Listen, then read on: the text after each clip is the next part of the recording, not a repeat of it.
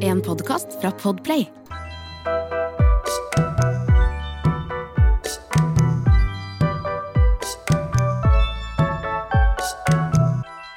Det har på ingen måte vært eh, dramafritt de siste to dagene som småbarnsmamma.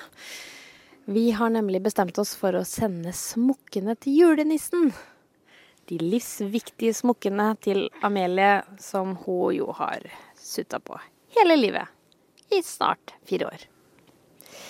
Jeg sitter nå ute på tuppen av Engelsviken brygge. Det er jo en liten fiskelandsby i Engelsviken, det er her jeg bor. Noel sitter og koser seg i bæreselen. Endelig så klarer hun liksom finne litt ro på, på tur. Om det er vogn eller bil eller bæresele. Har ikke vært så populært før. Så endelig så har det løsna litt.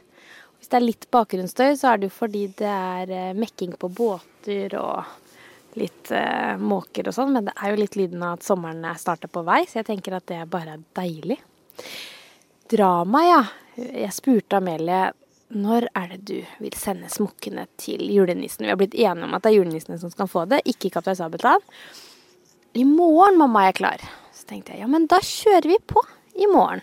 Så Andreas og jeg var enige at da gjør vi det litt hard way. Vi har prøvd å gjøre det litt sånn eh, ja, gradvis. Med bare smokk her og ikke der og sånn, men det har funka dårlig. Hun finner alltid en smokk, og så er det på'n. Selv når hun sitter og leker midt på dagen. Så nå, da, så kjører vi det hard way. Så nå har hun pakka inn smokkene selv i rosa glitrende papir med lilla sløyfe. Og så dikterte hun brev, da, som jeg måtte skrive for henne, og det var sånn Kjære julenissen, jeg kommer til å savne smokkene mine. Jeg elsker dem, men jeg er fin uten smokk. Og nå skal du få smokkene mine. Noe i den duren. Så hun var jo helt nydelig. Hun ga smokkene en kos og sa 'jeg elsker dere' før hun pakka inn. Helt eh, fantastisk øyeblikk, det. Men det gikk ikke opp for henne hva hun faktisk gjorde før vi satt i bilen hjem fra barnehagen. Da pleier hun å lene seg tilbake, dytte inn smokken og bare kose seg med den. Og plutselig så bare Nei. Så fikk hun liksom panikk over at uh, smokken er pakka inn. De er jo ikke blitt sendt til julenissen ennå.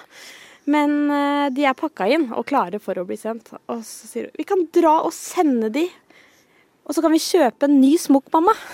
ja, det var jo veldig løsningsorientert, det, men det er på en måte ikke sånn det funker. Så det var eh, rett og slett full kollaps i bilen på vei hjem. Kommer vi hjem, så er det jo det der å få, få tankene over på noe annet. Så hun gjorde det, og satte i gang å leke og sånn, og glemte det litt.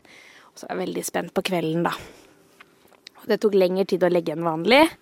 Og eh, når jeg kom inn, og Andreas satt først der inne og sa jeg kan ta over litt. Og da var hun lei seg. Men jeg sa det er Nå blir du snart fire år, jenta mi. Det er på tide. Og ja, jeg vet det har tatt litt i overkant lang tid før vi har kutta ut den smokken. Men det er noe med når man får lillesøster, og hun får litt å liksom, sutte på mammaen sin, så tenker jeg det er litt dårlig gjort å ta bort den smokken akkurat da. Men nå er jo Noel eh, fem måneder, så nå er det jo på tide Og ikke ta rundt smokk heller. Så jeg tenker kanskje vi bare kutter ut det smokkekjøret og bare sier smokkefritt hjem fra nå.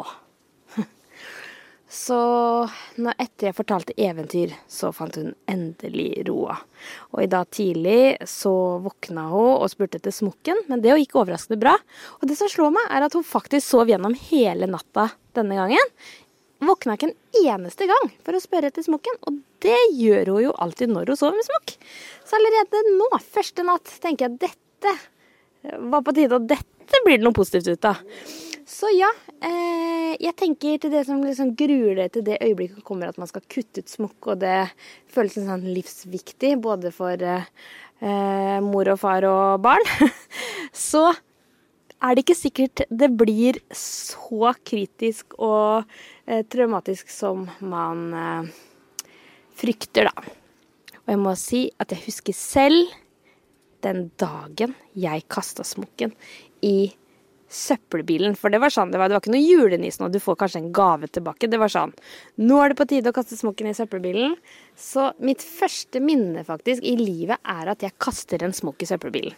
Så det sier jo litt om hvor traumatisk det var. Jeg får håpe at Amelie husker andre koseting. Eh, og ikke at dette er hennes første minne i livet også. Men det å sende til julenissen eller Sabeltann er i hvert fall en koseligere måte å gjøre det på, tenker jeg, enn det jeg måtte gjøre, og nettopp kaste i søppelbilen. Jeg husker liksom den bare spist opp den smokken sammen med søpla. Så ja, jeg eh, tenker at uh, livet uten smokk blir bra. Jeg tror også vi nå kutter ut smokk uh, for Noel. Vi har jo prøvd i fem måneder. Hun har ikke vært interessert, og nå tenker jeg kanskje vi kan klare oss uten smokk. Jeg har i hvert fall fått tips fra følgerne mine på Instagram som sier la det være, ingen av mine tok smokk, og det gikk bra, og så slipper man den avvenningsbiten også. Så vi får se. Ingenting er bestemt ennå, men uh, ja, Og jeg forventer at det blir litt mer drama hjemme, men uh, overraskende positiv til smokkestopp til tross for litt drama og tårer. Ønsker jeg deg en nydelig dag videre.